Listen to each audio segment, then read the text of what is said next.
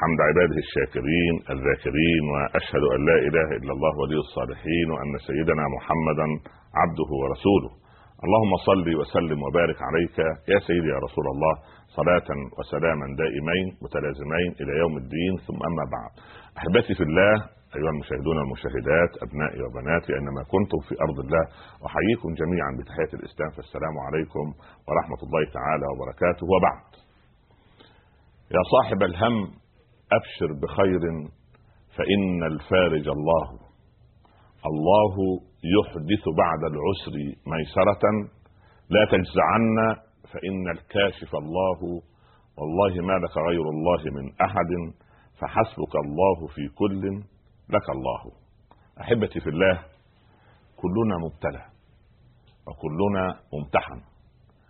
ولا يشذ عن القاعدة إلا الذي كفر بالله والعياذ بالله فليس بعد الكفر من مصيبة ومن ابتلاء نسأل الله أن يقيمنا وإياكم في دائرة الإيمان وفي حوزة الإيمان وأن يحيينا على الإيمان وأن يميتنا ويتوفانا على كلمة التوحيد. إن ربي على ما يشاء قدير. الكل يدعي أو قل حقيقة يحب أنبياء الله عليهم وعلى نبينا الصلاة والسلام، ما ذكر نبي من الأنبياء إلا وأحبه الناس. من منا لا يحب أبانا آدم؟ من منا لا يحب أول الدعاة على وجه الأرض؟ سيدنا نوح. من لا يحب أولي العزم؟ الخليل عليه وعلى الصلاه والسلام أبو الأنبياء الذي ادعته كل الملل وكل النحل. من ذا الذي لا يحب أبناءه؟ يعني إسحاق ويعقوب ومن قبل إسماعيل سبحان الله العظيم يوسف سبحان الله. من منا لا يحب هؤلاء؟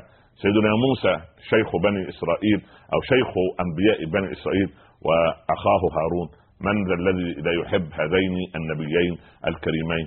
من لا يحب عيسى نبي الله وكلمته التي ألقاها إلى مريم؟ من منا لا يعشق خير الأنام ومسك الختام ورسول الملك العلام سيدنا محمد عليه الصلاة والسلام؟ كلنا. لا أحد إلا وهو يحبه. طيب. الذي يحب إنسانا يسير على طريقه أو يحب طريقه في الحياة. والأنبياء تركوا أمرين علما وابتلاء. فكلنا أخذ بحظ من العلم ولو العلم الشرعي كيف يصلي كيف يعبد الله كيف يخاف الله كيف يحب الله كيف يرجو رحمة الله كيف يصوم كيف يزكي. هذه يعني هذا هو العلم الذي تركه ما ترك الأنبياء درهما ولا دينارا ولكن تركوا يعني ما ورثوا هذا ولكن ورثوا علما يعني يتعلمه الناس. هذا هو الأمر الأول الذي تركه أنبياء الله. الأمر الثاني ورثوا ابتلاء ورثوا ابتلاء لأن الأنبياء رزقهم الله علما وابتلاء وما مكنهم إلا لما ابتلاهم. وإذ ابتلى إبراهيم ربه بكلمات فأتمهن. قال إني جاعلك للناس إماما.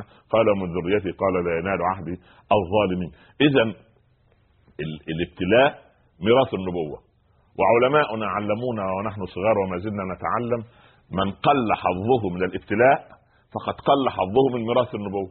تعال أنا أريد أن تضع لوحة أمامك. الآن وأنت أنت معي. لو ورقة أمامك الآن تكتب فيها أسماء الأنبياء وهم أشرف الخلق عند الله وأكرم الخلق على الله وأعرف الخلق بالله. ما أحد يعرف مقام الله سبحانه وتعالى أشد وأكثر من أنبيائه ورسله. وذلك الله اختارهم ليكونوا حملة دعوته ورسالته. فلو أنك أمامك الآن ورقة وانظر يعني في أي شيء ابتلي كل واحد منهم. ونحن لسنا أشرف من هؤلاء. ونحن لسنا أفضل من هؤلاء ولا أقرب إلى الله من هؤلاء. فهم أقرب الناس إلى الله. أمر يعني لا, لا يماري فيه يعني لا مسلم ولا غير مسلم. يعني هذا أمر أنا أكلمكم الآن عقل إلى عقل وقلب طبعا إلى قلب إن شاء الله نسأل الله أن يكون الكلام خارجا من القلب إلى يصل إلى القلب. لو نظرنا إلى أول الدعاة نوح عليه وعلى نبينا الصلاة والسلام. ممكن الإنسان يبتلى في أي شيء لكن يبتلى في أقرب الناس إليه وأن يبتلى في طبيعة مهمته. يعني سيدنا نوح ألف سنة إلا خمسين عاما يعني ملفه الخدمي إذا قلنا بلغة المعاشات ولغة الوظائف العصرية ولغة دواوين الحكومة ملفه فيه 950 سنة خدمة في الدعوة. دعا نفس دعا قومه ألف سنة إلا خمسين عام. عشرة قرون متتالية إلا خمسين سنة ظل يدعوهم. ظل يدعوهم ساعة في اليوم كل شهر ساعة كل سنة يومين أبدا. إني دعوت قومي ليلا ونهارا. يعني في درسين من دروس الموعظة والعلم يوميا في الصباح وفي المساء. إحنا لو أعطينا درس أسبوعي ربما يمل الناس. ما مل عليه وعلى نبينا الصلاه والسلام ولولا الأمل الذي كان يحدوه سبحان الله العظيم إني دعوت قومي ليلا ونهارا سبحان الله. وبعدين أعلنت لهم وأسررت لهم إسرار يعني يستخدم ارتفاع الصوت مرة ويستخدم الدعوة السرية مرة يستخدم الزيارات الخاصة مرة ويستخدم ويستقبل الوفود مرة. سبحان الله. بعد 950 سنة ما آمن معه إلا قليل أكثر المفسرين استبشارا واملا في في في في يعني في الإيمان بنوح عليه السلام كانوا 70 واحد. 70 رجل وامرأة. دول اللي ركبوا معه السفينة. كل المحصلة سبعون من سبعين لثمانين كل المفسرين على هذا سبحان الله. يعني ثمانين لما لما لما تقسم 950 سنة على ثمانين يعني كل سبحان الله مئة عام سبحان الله يوم عشرة يعني تقريبا في الشهر يدخل واحد في الدين. واحد من قومه كلهم. قومه دي بالآلاف مؤلفة ولكن واحد فقط. وما أمن معه إلا قليل. لكن هذا ليس ابتلاء يعني يعني ابتلاء يؤلم طبعا ولكن الابتلاء الأقوى أن من ضمن الكفار سبحان الله زوجه زوجته وابنه. سبحان ابنه وزوجته. زوجه سبحان الله وامرأة نوح وامرأة لوط إذ كانتا تحت عبدين من عبادنا صالحين فخانتاهما. الخيانة هنا خيانة الإيمان ودي أسوأ خيانة ممكن تكون. أصل الخيانة تذهب في دماغ الناس أن خيانة أخرى. لا. الخيانة أمرين كبيرين نحن لا نهتم بهما خيانة الدين ده بالله عليكم اللي بيخون قطعة من الأرض. قطعة من الأرض مثلا والعياذ بالله يتجسس على دولته لحساب دولة أخرى. القوانين والدساتير العالمية بما تصفه بالخيانة العظمى. لماذا؟ لأنه خان قطعة من الأرض يعيش فيها. طب فمن خان خالق الأرض؟ الله أكبر لا إله إلا الله. قلت يا لطيف يعني من خان قطعة من الأرض يعيش فيها سمي خائنا أعظم. الخيانه العظمى ويعلم في جميع اغلب الدساتير. سبحان الله. لكن طب فما بالك أنت بمن يخون خالق الأرض؟ منزل هذا يعني مبدع هذا الكون. بديع السماوات والأرض. فما الذي يحدث؟ فأول نوع من الخيانه هي خيانة الدين. ألا تنفذ دين الله؟ هذه خيانة. الأمر الثاني بالنسبة للزوجات والأزواج الخيانة اللي هي إخراج أسرار الطرف الآخر خارجه. يقول صلى الله عليه وسلم في الحديث الصحيح إن من أكبر الخيانات عند الله أن يسر الرجل إلى زوجته حديثا فتصبح لتحدث به جاراتها. وإن من أكبر الخيانات عند الله أن تسر المرأة أو الزوجة إلى زوجها حديثا فيصبح ليحدث به جلساء يبقى إذا سبحان الله مسألة الخيانة هنا هاتان خيانتان كبيرتان. زوج سيدنا نوح وزوج سيدنا لوط اشتركتا في هذه الخيانة هي خيانة الدين. لأن أول إنسانة تقف جنب الزوج من الواجب زوجته. يعني انظر إلى أمنا خديجة ماذا صنعت مع رسول الله صلى الله عليه وسلم. انظر إلى أمهات المؤمنين من أم من نساء النبي صلى الله عليه وسلم ماذا صنعنا مع سيدنا الحبيب صلى الله عليه وسلم. فاذا الإنسان سبحان الله لما ينظر إلى زوجة نوح هذه مصيبة كبيرة. المصيبة أيضا تكبر عندما يكون ولده سبحان الله تخيل أنت رجل يدعو إلى مذهب معين ناهيك عن أنه نبي رسول مذهب معين من المذاهب. وأول المعاندين له ولده. فعندما يذهب ليبشر بمذهبه ها أو برأيه أو بفكره أو بنظريته التي يعني يدعو الناس إليها يقولون له يعني انظر إلى اهدي ولدك, ولدك الأول وبعدين تعال اهديني يا ذا المعلم غيره هل لنفسك كان ذا التعليم؟ تصف الدواء للسقام وضدنا كيما يصح به وأنت سقيم ابدأ بنفسك فانهاها عن غيها فإذا انتهت حقا فأنت حكيم أو أنت عليم. إذا لما ينظر يعني سيدنا نوح وهو يدعو أكيد جوبها ووجه بهذه القضية. هذه ابتلاء شديد ما بعده ابتلاء. فأنت يا صاحب الهم هل عندك هم يساوي هذا الهم؟ أبدا والله. إلا إذا كان الدين عندك رقيق يعني الدين عندك حالته يعني آخر شيء. سبحان الله. لقد قال يعني صلى الله عليه وسلم في علامات الساعة تطلع الشمس من مغربها من علامات الساعة الكبرى. الشمس تطلع من الغرب. كم تمكث يا رسول الله؟ قال عليه الصلاة والسلام تمكث سنة. سنة يظل النهار عاما كاملا. أول ما سال الصحابه لأن الدين عندهم إيه؟ رقم واحد. قالوا كيف نصلي يومها يا رسول الله؟ قال اقدروا لهذا اليوم قدرة. يعني اذا أهم شيء عند الصحابة إيه؟ العبادة. كيف نصلي؟ ما سالوا كيف نصيف؟ متى ياخذ الاولاد أجازة أجازة صيفية؟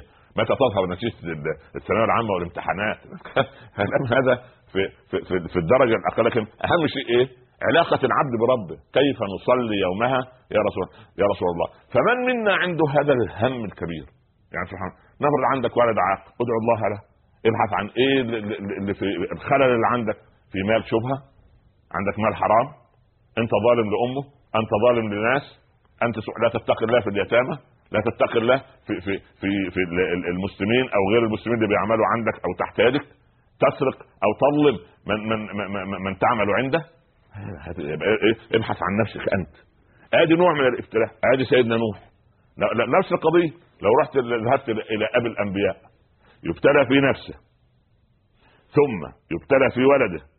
ثم من قبل يبتلى في أبيه. الله أكبر. ده, مصيبة أكبر. الأب. آزر. آزر كان يصنع الأصنام. وكان سيدنا إبراهيم صغير عنده عشر سنوات.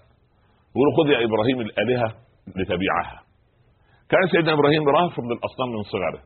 فكان يربط الأصنام التماثيل هذه وبحبل ويجرها ويقول من ذا الذي يشتري؟ ما لا ينفع ولا يضر. وهذا مندوب مبيعات يعني لا صح. لكن يعني انظر إلى الفطرة التي فطر الله سيدنا إبراهيم عليها. فهو ابتلي بأبيه وظل يستغفر له. وما كان استغفار أبيه وما كان استغفار إبراهيم لأبيه إلا عن موعدة وعدها إياه. فلما تبين له أنه عدو لله تبرأ منه. إن إبراهيم لأواه حليم. اذا سيدنا إبراهيم من كثرة عبادته وتعبده لله وحلمه كان يدعو سبحان الله ولما دعا أباه كيف دعاه؟ يا أبتي لا تعبد الشيطان. يا أبتي إني قد جاءني من العلم ما لم يأتك فاتبعني أهدك صراطا سويا. يا أبتي انظر إلى رقة الحليم وانظر إلى قسوة الظالم الكافر يقول له يا أبوه ماذا يقول له؟ لئن لم تنتهي لأرجمنك. حتى مش أب كافر لا كافر وفظ وغليظ القلب. سبحان الله هل قال له إبراهيم يعني خلاص انتهى الموضوع؟ لا. قال سلام عليك. الله أكبر. سلام عليك. سأستغفر لك ربي. إنه كان بي حفيا الله أكبر. يبقى اذا الإنسان الذي يدعو إلى الله ويدعو إلى خير يتحمل. ويتحمل لماذا؟ لأنه هو عنده ميراث النبوة. وهذا أقوله لكل من يدعو إلى الله سبحانه وتعالى على مستوى صغير أو على مستوى العالم كله. فسيدنا إبراهيم مبتلى في أبيه. انظر إلى الأب. وبعدين يبتلى في نفسه. قال إيه؟ القوه في النار. يا ستار يا رب. يلقى في النار. إذا يبتلى في النفس واحد تاني يقول الله. طب يلقى في النار ليه؟ ده أنا أدعو إلى الله. ده أنا إنسان أعمل خير. ابتلى. لا. ما هو الإنسان حتى يستبين يا دنيا اشتدي على أصفيائي حتى يزدادوا شوقا إلى لقائي. الله عز وجل يخاطب الدنيا هكذا. اضغطي على الأولياء على اولياء الله يعني الصالحين والصالحات. سبحان الله تجيهم الابتلاءات من كل مكان. تشوف الله سبحانه وتعالى ليباهي بهم الملائكة هذا العبد الصبور سبحان الله حتى يعني سبحان الله يسير على الأرض بعد الابتلاءات دي لا خطيئة عليه تشير الملائكة إليه وهو لا يدري هذا هو الطاهر الشريف الطاهر, الطاهر من إيه؟ من الذنوب الشريف من إيه؟ الشريف من كل أرجاس الحياة لأن الله أراد به خيرا فأعطاه هذه الإيه؟ هذه الابتلاءات فالابتلاءات أنت تنظر إليها نظرة يعني غريبة شوية طب لماذا؟ الله عز وجل من رحمته كتب لك درجة معينة. كتب لك درجة معينة. خلينا نتكلم بلغة الأرقام لأننا في عالم الأرقام اليوم. المسلمين يعني طراز 2008 ميلادية 1429 هجرية ربما لا يفهمون إلا بالأرقام. حتى أبنائنا لا يفهموا إلا بالأرقام. ف لو أنه كتب لك درجة 80% مثلا يعني مثلا أعمالك إلى أن تموت لا تصل بك إلا ل 50 طب وال 30 درجة تيجي منين؟ من الابتلاءات ده يغتابك ده يؤذيك هذا لا يقدرك هذا لا يحترمك هذا يسرقك هذا يظلمك هذا يتعالى عليك هذا يخوض في عرضك. سبحان الله سبحان واحد منك يأخذ كل شيء ولا يعطيك شيء. واحد ياخذ منك كل أدب واحترام وحلم وود في الكلام ولا تأخذ منه إلا غلظه ونفاق وفجور وغيبه من خلف ظهرك ويعني ويروغ منك كما يروغ يعطيك من كما قال الشاعر يعطيك من طرف اللسان حلاوة ويروغ منك كما يروغ الثعلب. كل دي إيه؟ أنواع ابتلاءات. فتصبر. ترتفع الدرجة. ترتفع الدرجة تصل إلى درجة 80 الذي كتبت لك عند رب العباد. فسيدنا إبراهيم إيه؟ ابتلي أيضا في أبيه. ابتلي في نفسه. ابتلي إيه؟ في ولده. يا بني إني أرى في المنام أني أذبحك. تخيل أن إنسان بعد سن 80 و90 ويقال 100 سنة. كان عنده 100 سنة سيدنا إبراهيم. وزوجته كان عندها 99 سنة. ولما أنجب سبحان الله آه، آه، إسماعيل أول ما كبر وصار يعني ملء السمع والبصر جاي يزوره من الشام يقول له يا بني إني أرى في المنام أني أذبحك فانظر ماذا ترى.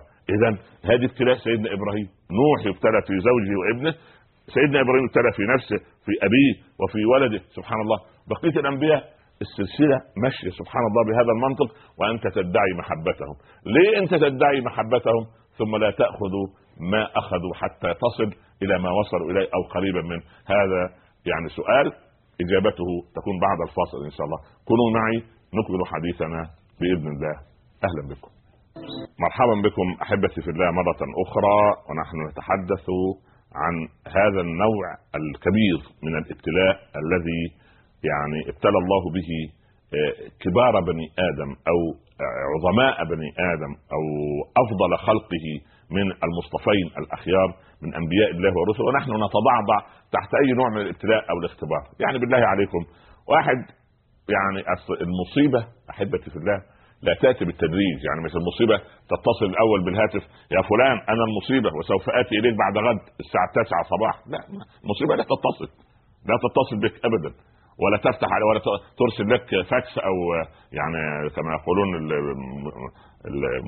مجمع اللغة العربية البراق لا مش هتبعت لك على البراق اللي هو بيقال يعني عليه بالإنجليزية الفاكس يعني سبحان الله أو على اي أي اتصال من الاتصالات. يقول لك والله الابتلاء أنا قادم بعد أسبوع. أنا سوف آخذ ولدك أو أباك أو اميت أمك أو اخذ الابتلاء ينزل فجأة. ولذلك ليه كان النبي صلى الله عليه وسلم أعلى درجه الإيمان إيه؟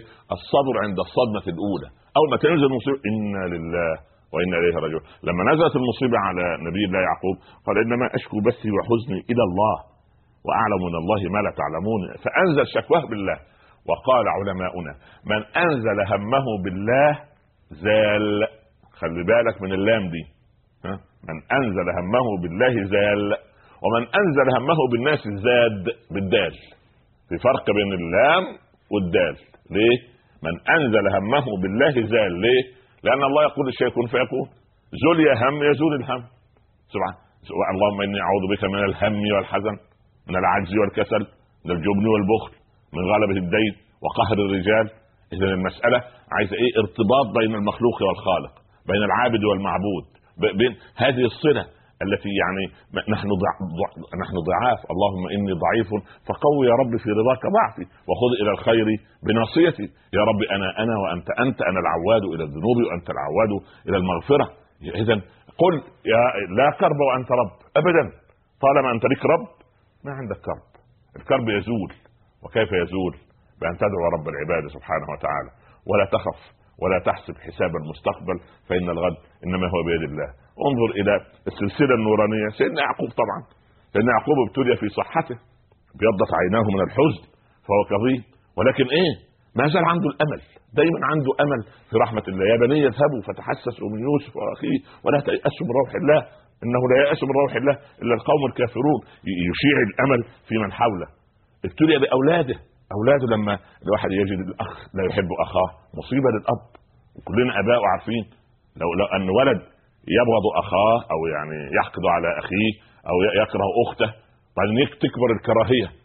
تكبر الكراهية مع إيه؟ مع الأولاد وبعدين الأخ الأكبر يأخذ ميراث أبيه والأخت تحقد على أختها وسبحان الله يريد الأخ أن يأخذ أخاه حتى يقول بعض الناس الآن بعد ما كان يعني آه، سيدنا علي يقول أخاك أخاك إن من لا أخ له كساعي إلى الهيجة بغير جناحي. أو كطائر بغير كساع إلى الهيجة بغير سلاح أو كطائر بغير جناح إن الصديق الحق من كان معك ومن يضر نفسه لينفعك ومن إذا ريب الزمان صدعك. شتت فيك نفسه ليجمعك. اذا هذا كان كلام الصالحين اللي يحصل الآن. لا يا سيدنا الشيخ الدنيا تغيرت. الله هو القيم تتغير؟ القيم لا تتغير. لا لا لا لا. بعض الناس لسان حالهم يقول الأخ فخ والعم هم. أو غم والعياذ بالله والخال والوبال. طب والأقارب والعقارب لا حول ولا قوه إحنا نعيش في غابة إحنا نعيش في مجتمع الحشرات والحيوانات إحنا نعيش في مجتمع إنساني يجب أن نرتقي بقيم الإسلام ومنظومة الإسلام العظيمة. فالأب يبتلى عندما يرى الإخوة يحقدوا على أخيه إن ليوسف وأخوه أحب إلى أبينا منا ونحن عصبة إن أبانا لفي ضلال مبين اقتلوا يوسف أو اطرحوه أرضا يأخذ لكم وجه أبيكم. اذا الشيطان والحسد دب في بيت النبوة. فانت حاسب من القضية. لا تظهر محبتك لولد معين. لا تظهر ميلك إلى بنت معينة من بناتك تميزها عن بقية الإيه؟ أخواتها. واسي بين الجميع سووا بين الجميع أما المحبة القلبية هذه بينك وبين الله سبحانه وتعالى. إذا سيدنا يعقوب يعني ابتلي في نفسه ابيضت عينه من الحزن. وبعدين لما صبر الله سبحانه وتعالى أعاد له الخير مرة أخرى. وبعدين ابتلي في أولاده بقضيه الحزن ابتلي في ولده بأن سبحان الله العظيم يعني صار يعني إلى إلى يعني إلى مصر وبيع بثمن بخس. هو نفس سيدنا يعقوب آه، سيدنا يوسف. كان كان حرا فصار عبدا كان حرا فصار أو كان يعني طليقا فصار مسجونا.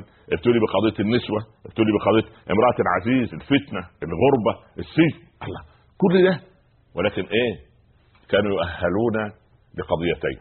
قضية أن يصيروا قدوة لنا في الابتلاءات ثم يصبحوا في نفس الوقت إيه؟ في نفس الوقت قصة تروى لتصير مقاييس للصبر. عندنا مقاييس نقيس الصبر عليها نقول إيه؟ أنت يعقوبي أم من أهل الجزع؟ نقول لا يعقوبي. يعقوب المذهب. إيه يعقوب المذهب؟ إنما أشكو بس وحزني إلى الله. أنت رحت فين؟ مدرسة يوسف. إيه مدرسة يوسف؟ غربة ست كل ده في سبيل إيه؟ في سبيل الله سبحانه وتعالى. طالما أنه في سبيل الله انتهت القضية. إذا ذهبنا في السلسلة إلى سيدنا أيوب ابتلي في ماله ابتلي في أولاده ابتلي في صحته.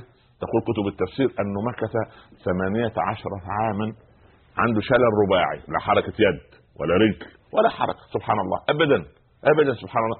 وبعدين من أدبه قال رب إني مسني الضر. مش نزل عليه الضر الجبال مش حطمني الضر مش دهسني الضر داهمني الضر لا مسني الضر. وأنت أرحم الراحمين وهذا أدب الدعاء مع الله. كيف؟ مسني الضر وأنت أرحم الراحمين. من أدب سيدنا أيوب إيه؟ يا ربي أنت أرحم الراحمين تعلم. إن كان استمرار الضر هذا خير لي ابقيه كما هو. وإن كان رفع الضر خير لي ارفع الضر يا رب. فمن أدبه أن قال لا تشر على الله ابدا ولا تختر مع الله. اجعل الله يختار لك. كيف؟ يعني أنزل المسألة بالله ودع الله يختار. أما أنت تختار بنفسك ما في ناس بتختار ولد معين. أنا عايز ولد الجينات الحديثه علم الهندسه الجينية الحديثة وعلم الجينات الحديث.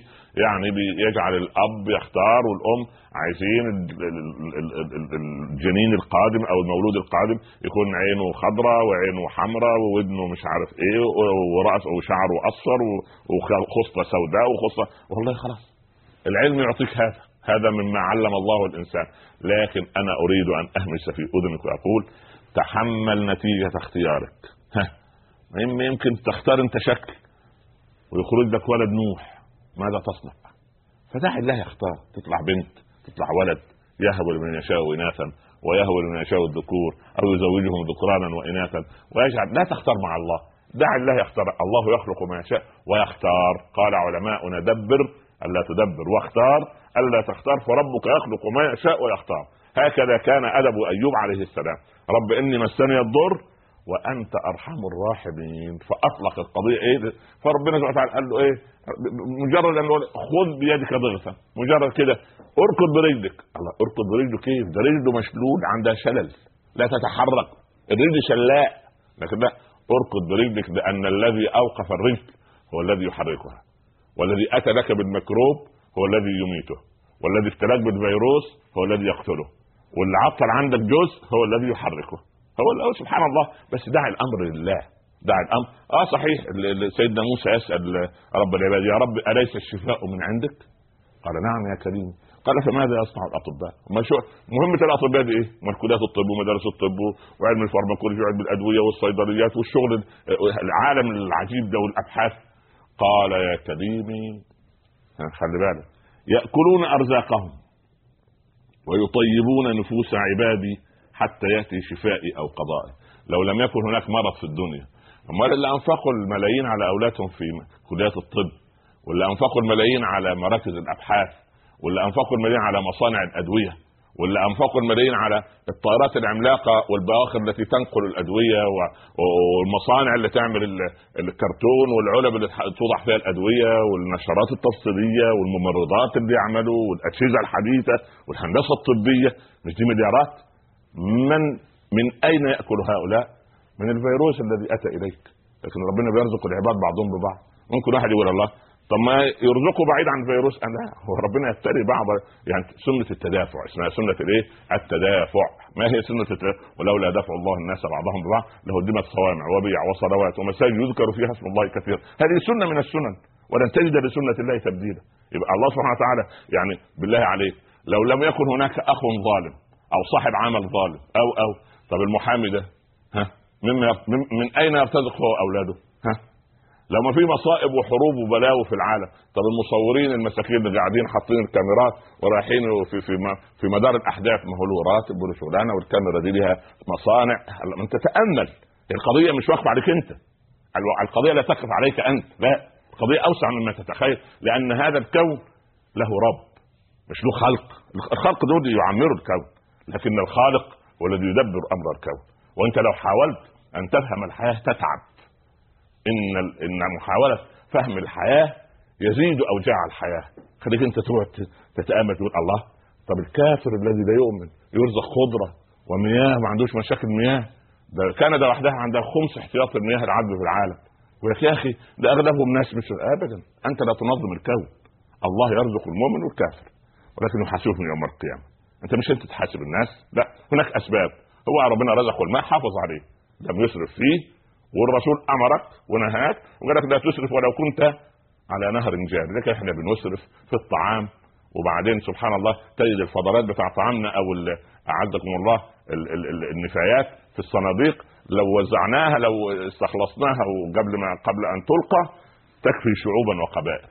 لكن نحن من المسرفين ومن المبذرين ولا نجيد نبدد طاقاتنا ونبدد ثرواتنا ولا نجيد لا نجيد توزيع الثروات. لأن الله سبحانه وتعالى رزق الغني ورزق الفقير. وجعل تكملة رزق الفقير في فضل مال الغني. فما جاع فقير إلا بتخمه غني أما أزمة الغذاء العالمي هذا اصطناع من إيه؟ من صناعات الإنسان. ليس هناك أزمة ليس هناك أزمة غذاء عالمي. ابدا. إنما القضية في إيه؟ قضية سوء توزيع الثروات. ناس تأكل أكثر مما ينبغي عندها تخمه بعدين عندها نفاتر تلقي بعض الدول الغنية تلقي البطاطا والحاجات الزيادة في الإيه؟ في البحار. ليه يا عم تلقيها ليه يقول لك عشان السعر سعرها لا لا يهبط في السوق. لا إله إلا الله. يبقى ماذا صنع الغني باخيه الفقير؟ فيحصل عدم التوازن. لكن التوازن يحدث متى؟ عندما يتوازن الناس بعضهم مع بعض. فانظر إلى أدب سيدنا أيوب. رب ان مسني الضر وأنت أرحم الراحمين. فأنت خلي عندك يقين أن رب العباد سبحانه وتعالى سوف يأتي بالشفاء يا صاحب المرض. سوف يأتي بفك الكرب يا يا من عندك كرب. سوف يسد لك الدين يا صاحب الدين. ولكن كن حصيفا. أنت إنسان دخلك عشرة. لا لا تعش ولا تعيش بدخل ثلاثين. لا. أبو ثلاثين هذا أكبر منك. واللي عنده ثلاثين عايز يعيش بدخل مئة. ما ينفع. يروح يطرق باب المصارف ويستدين ويصير مدينا للمواقف في الطابور ذليلا بعد ما كان الرجل يبتسم في وجهه بدأ يقتل جبينه ويرسله إلى المحاكم وإلى النيابات ويحجز على راتبه ويحجز على بيته وعلى سيارته. لماذا؟ لأن من جهد البلاء أن يحمل الإنسان نفسه ما لا يطيق. يعيش بحجم أكبر من حجمه. انت عندك عشرة عيش بتسعة. أنت تعيش قانع راضي. استغنى عن من شئت تكن نظيره. واحتج إلى من شئت تكن أسيره. وأنفق على من شئت تكن اميره خلي بالك من مقولة سيدنا علي دي. عجيبة. والانفق على من شئت تكن أميرة. تكن أمير له. أنفق عليه. طبعا. طب استغنى عن من شئت تكن نظيرة. زي زيك. أنا مستعد يعني كلانا غني عن أخيه حياته ونحن إذا متنا أشد تغانيه. وبعدين؟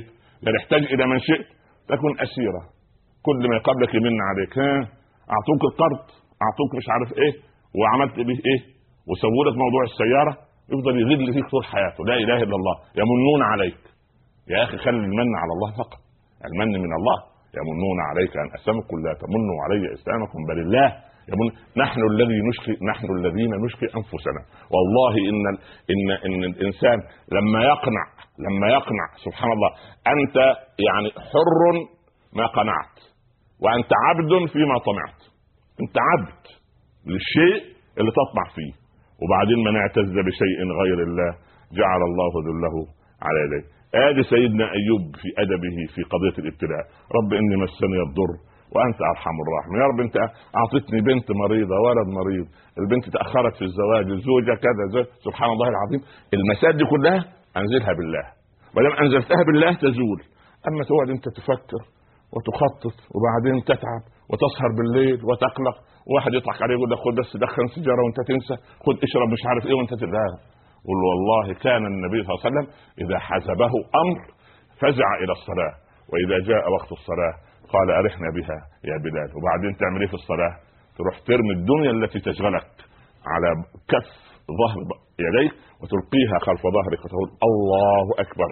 يعني أكبر من الدنيا. خد الدنيا اللي شغلاك دي ارميها خلف ظهرك بالتكبيره الإحرام. الله أكبر. شوف انت رميت الدنيا إزاي؟ أدي الدنيا.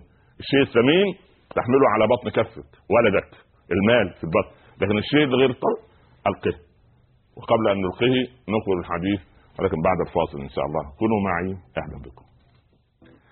مرحبا بكم أحبتي في الله مرة أخرى ونحن نتواصل مع صاحب الهم الذي سوف يكشف الله همه إن توكل على الله حق التوكل. ولذلك أنا أعجب من أناس لم يدخل الإيمان قلوبهم بعد. يجي مرض لإنسان معين يقول لا لا لا لا هذا المرض لا علاج له. هذا مرض مزمن لا علاج له. أما قرأ هذا الإنسان أو هذه الإنسانة أن ما خلق الله داء إلا وخلق له دواء إلا داء الهرم أو داء الموت. يعني داء ملوش علاج. الدواء ده واحد يكبر في السن. خلاص يحدود بالظهر يشتعل الراس شيبا عوامل الدهر عوامل الزمن عوامل التعرية. خلاص إيه المشكلة؟ لكن الموت لا لا نقاش فيه. لكن واحد عنده مرض لا علاج له ما الذي يقول هذا؟ إحنا نقول ما اكتشفنا العلاج بعد. ما اكتشفنا الوصول إلى الحل بعد. أو اكتشفوه بعض الناس ونحن لم نكتشفه بعد. فالقضية تبقى بهذا المنطق. ولذلك لما الإنسان ينزل همه بالله سيدنا يونس ادي أيضا واحد من النخبة. سيدنا يونس ذهب مغاضبا من قومه يعني فظن أن لن نقدر عليه فنادى في الظلمات. لما التقمه الحوت قال لا إله إلا أنت سبحانك إني كنت من الظالمين. قال ربنا فاستجبنا له. فاستجبنا له في إيه؟ فكشفنا ما به من طبعا. الإنسان لما يكون في كرب فورا يردد. لا إله إلا أنت. تزعل المصيبة يقول إنا لله وإنا إليه راجعون. إيه القضية؟ أولئك عليهم صلوات من ربهم ورحمة. وبعدين أنت تخاف من الناس. تعمل إيه؟ قل حسبي الله ونعم الوكيل. الذين قال لهم الناس إن الناس جمعوا لكم فاخشوهم فزادهم إيمانا وقالوا حسبنا الله ونعم الوكيل. فانقلبوا بنعمة من الله وفضل. لم يمسسهم سوء واتبعوا رضوان الله والله ذو الفضل العظيم. هكذا قال ابن عباس يجمع الثلاث حالات دي ويقول عجبت لمن ابتلي بثلاث كيف يغفر عن ثلاث؟ هذه الثلاثة. انت عندك مصيبه وإن لله وأنا إليه راجعون. عندك غم وكرب وهم على طول لا إله دعوة الذنون لا إله إلا أنت سبحانك إني كنت من الظالمين. عندك سبحان الله العظيم كيد الناس والناس تجتمع عليك وتتألب عليك ولا فورا. حسبي الله ونعم الوكيل. النتائج سوف تكون مرضية. أما أكثر الذين وقع عليهم الابتلاء فهو سيد الخلق وحبيب الحق سيدنا محمد صلى الله عليه وسلم. يبتلى بصغره أو باليتم نشأ يتيم ما قال أبي. عنده ثمان سنوات ماتت أمه. لم يقل أمي خلاص. لا أبي ولا أمي إنما ربي ربي. خلاص سبحان الله. هذا إيه؟ هذا أمر. وبعدين تموت خديجة في في في في أهلك المواقف. سماها عامل حزن. أبو طالب وخديجة في خلال ثلاثة أيام فقد الاثنين مؤمنة وغير مؤمن ولكن كان إيه؟ كان لا تصل إليه قريش إلا وما نالت قريش منه إلا بعد أن مات عمه أبو طالب سبحان الله. فهذه هذه يعني في نفسه بليوت في زوجه سبحان الله. في الأولاد. مات أولاده جميعا وبناته في حياته. وما بقيت له غير فاطمة أم الحسنين رضي الله عن آل البيت.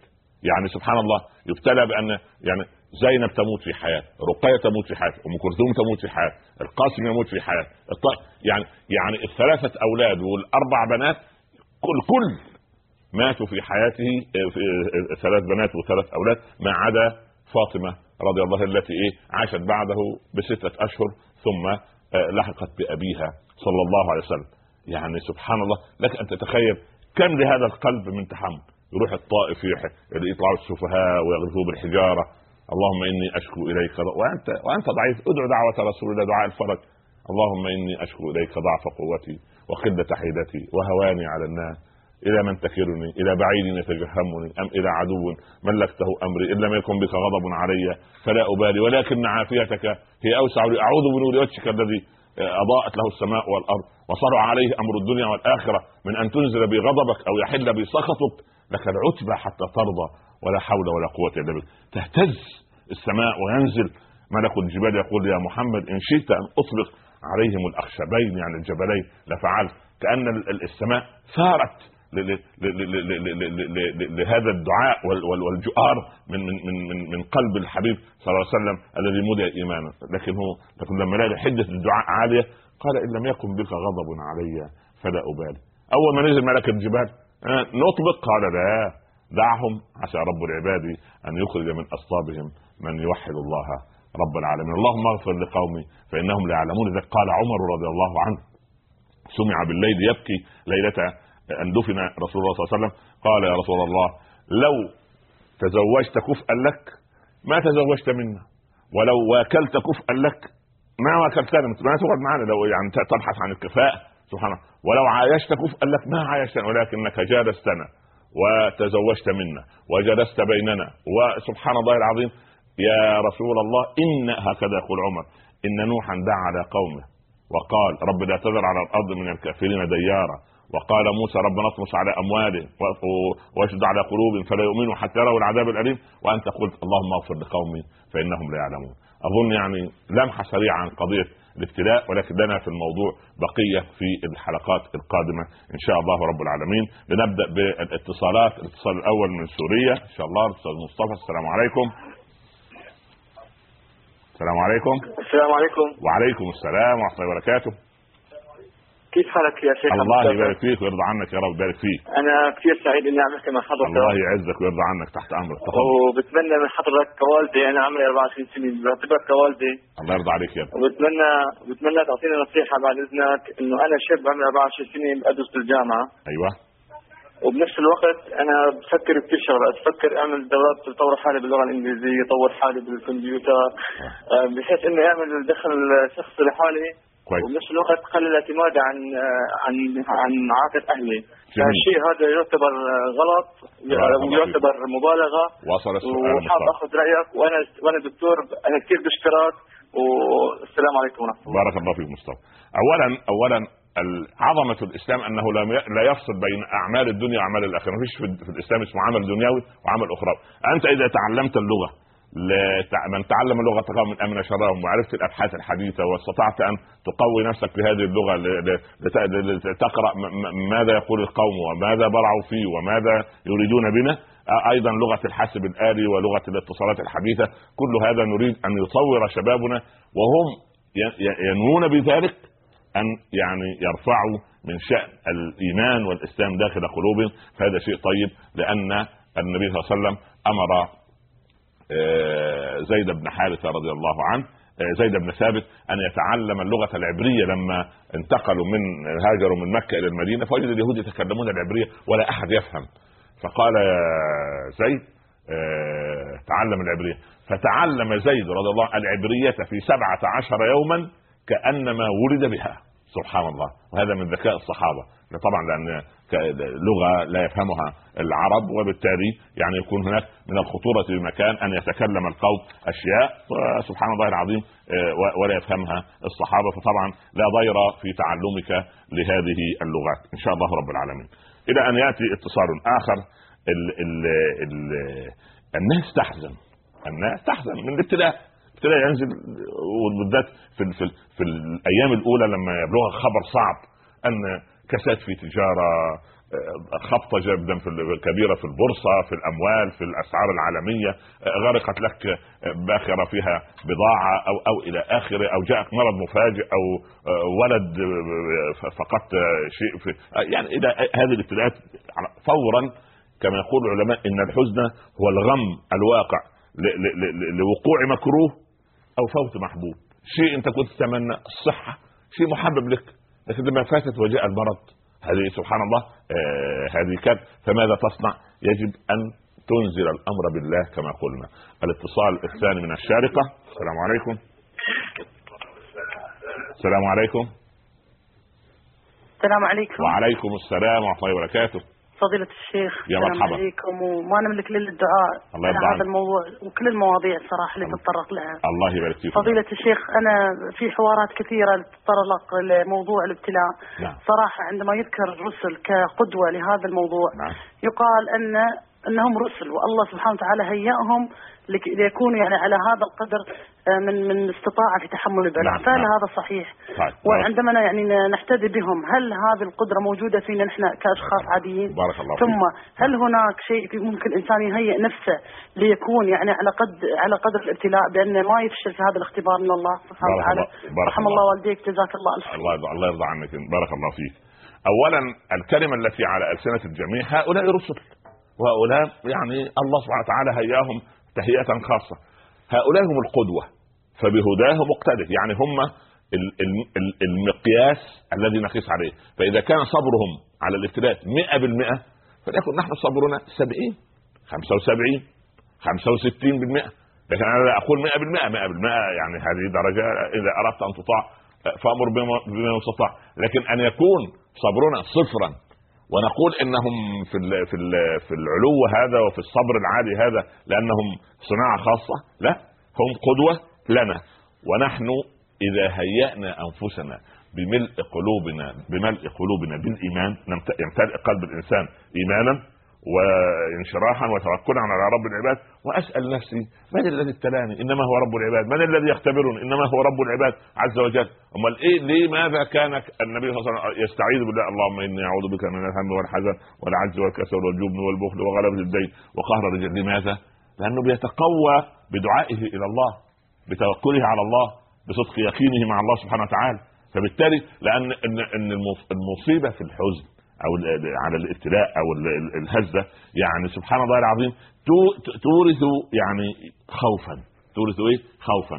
وانظر إلى الحبيب صلى الله عليه وسلم لما طمأن صاحبه. ثاني اثنين إلا تنصروه فقد نصره الله. إذا أخرجه الذين كفروا. ثاني اثنين اذ هما في الغار. اذا يقول لصاحبه لا تحزن. لا تحزن يعني إيه؟ يعني لا تخف. ما هو الحزن يورث خوفا. الحزن يورث ويقلل المناعة الإيمانية اللي يهجم أي ميكروب من ميكروبات الابتلاء أو فيروس من فيروسات الاختبارات أي قليل. لضعف الإيمان سبحان الله عامل زي الطفل اللي ما اللي ما أعطيناه التطعيمات. وما ما أعطيناه الإيه؟ الأمصال. فاللي يحصل أنه أي ميكروب يهزمه أي ابتلاء يهتز. لكن لا ده المؤمن سبحان الله وتجلدي للشامتين اريهم أني لريب الدهر لا أتضعضع. فالشاعر يعني سبحان الله بهذا المنطق لكن لكن القضية إن الإنسان يعني يعني يطمئن. لما لما مريم آه، ام ام روح الله وكلماته التي ألقاها إليه لما لما وضعت عملت إيه؟ قالت يا ليتني مت قبل هذا وكنت لسه منسيا الحزن ولا طب طب ماذا تقول القوم؟ قال فناداها من تحتها وفي قراءة من تحتها. سبحان الله. ألا تحزني. يعني إيه؟ يعني لا تخافي لا تخافي ألا الحزن مرتبط بالخوف. ألا تحزن. قد جعل ربك تحتك سريا لا تحزن. لماذا؟ كيف أحزن وأنا مخلوق لله سبحانه وتعالى؟ كيف؟ لا الإنسان سبحان الله العظيم. ألا إن أولياء الله لا خوف عليهم ولا هم يحزنون. يعني ما عندهمش غم. لا يغتموا. ونغتم كطبيعة بشر. للوهلة الأولى. لكن يفيق. يقول أستغفر الله. من الذي ابتلاني؟ إنما هو الله. من الذي امتحنني؟ الله. من الذي سوف يعطيني الثواب؟ الله. يبقى الله يبقى ده, ده أنا في كرم كبير. أنا في كرم كبير. نسأل الله أن يصبر صاحب البلوى. أيوه اتصال الآخر من العين. السلام عليكم. السلام عليكم. السلام عليكم شيخ. وعليكم السلام ورحمة الله وبركاته. الله يبارك فيك. أه كنت عايز أسأل من سؤال بخصوص إذا الواحد أه، أخذت أنا قرض مثلا من بنك هل يعتبر وأنا في إمكانية أشتري بفلوسي البسيطة سيارة على قدر الحال فهل يعتبر ده ضيق علي مثلا أو أنا عايشة على قدر يعني غير مستواي؟ ولا إنه في إمكانية أنا أقدر أسدد بس على المدى الطويل؟ وفي طيب المقابل أقدر ولكن معك مبلغ يشتري السياره الأقل. سيارة مستعملة رخيصة يعني أها. نعم نعم. طيب بارك الله فيك. جزاك الله خير. والله يعني لا أستطيع أن أصدر فتية بهذا المنطق ولكن أستطيع أن أقول يعني من الأفضل أن يعيش الإنسان وفق طاقته. والله يعني معذرة في في في المثل العامي في مثل كده والأمثال العربية معروفة تقول مثل مصر يقول يعني حمارتك العرجه ولا سؤال اللئيم. يعني أنا سيارتي اللي على قد فلوسي قد مال الله له ولا داعي لأن يعني أستدين وأصبح مديون لبنك وكل شوية أعمل الهم. وعلى كل ربنا يسدد عنك يا بنتي إن شاء الله ويبارك لك في سيارتك اتصال آخر من السعود من المملكة السعودية. السلام عليكم. السلام ورحمة الله وبركاته. ومرحبا. هلا شيخ. يا مرحبا الله يبارك فيك. والله إني أحبك في الله. أحبك الله الذي أحببتني فيه بارك الله فيك. آه دكتور ممكن أسأل سؤال بسيط؟ اتفضل حضرتك هل وسوسة الشيطان من الابتلاءات؟ الله يرضى عليك يا رب. طيب. بارك الله فيك في السؤال. الله يجزاك اولا وسوسة الشيطان تكون ابتلاء إذا أنا وسعت له المجال. لكن لو أغلقت عليه ده من البداية يجي لك في الوضوء يقول لك آه أنت ما غسلت وجهك. أنت ما ده, ده في ناحية العبادات. أنت صليت ركعتين من الثلاثة. أنت ما ركعت.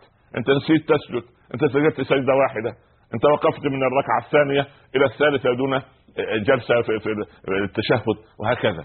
ده في الإيه؟ العبادة. يدخل لك في الإيه؟ في في في في, في الثوب. لا خلي بالك ثوبك مش طاهر انت مشيت مش عارف في مكان إيه والثوب كان طويل وكان التمس وبعدين يدخل لك في مسألة أخرى. فأنت إن غلقت الباب أراحك الله منه. إن وسعت له الباب يدخل لك في 700 مشكلة. فهو طبعا نوع من الابتلاء أنت تتخلص منه لأنك مع يقين أو على يقين بما عند الله سبحانه وتعالى. نسأل الله سبحانه أن يطرد عنا وعنك وعن كل مسلم ومسلمة شياطين الإنس والجن لأنه والله وسوسة يعني شياطين الإنس أسوأ من وسوسة الشيطان شيطان الجن بيقول له أعوذ بالله من الشيطان الرجيم يمشي. شيطان الإنس ده ملاصق لك لا ان من أزواجكم وأولادكم عدوا لكم فاحذروه. ده تطرده كيف يعني من حياتك؟ نسأل الله أن يهدي أزواجنا وزوجاتنا وأبنائنا وبناتنا إلى ما فيه الخير.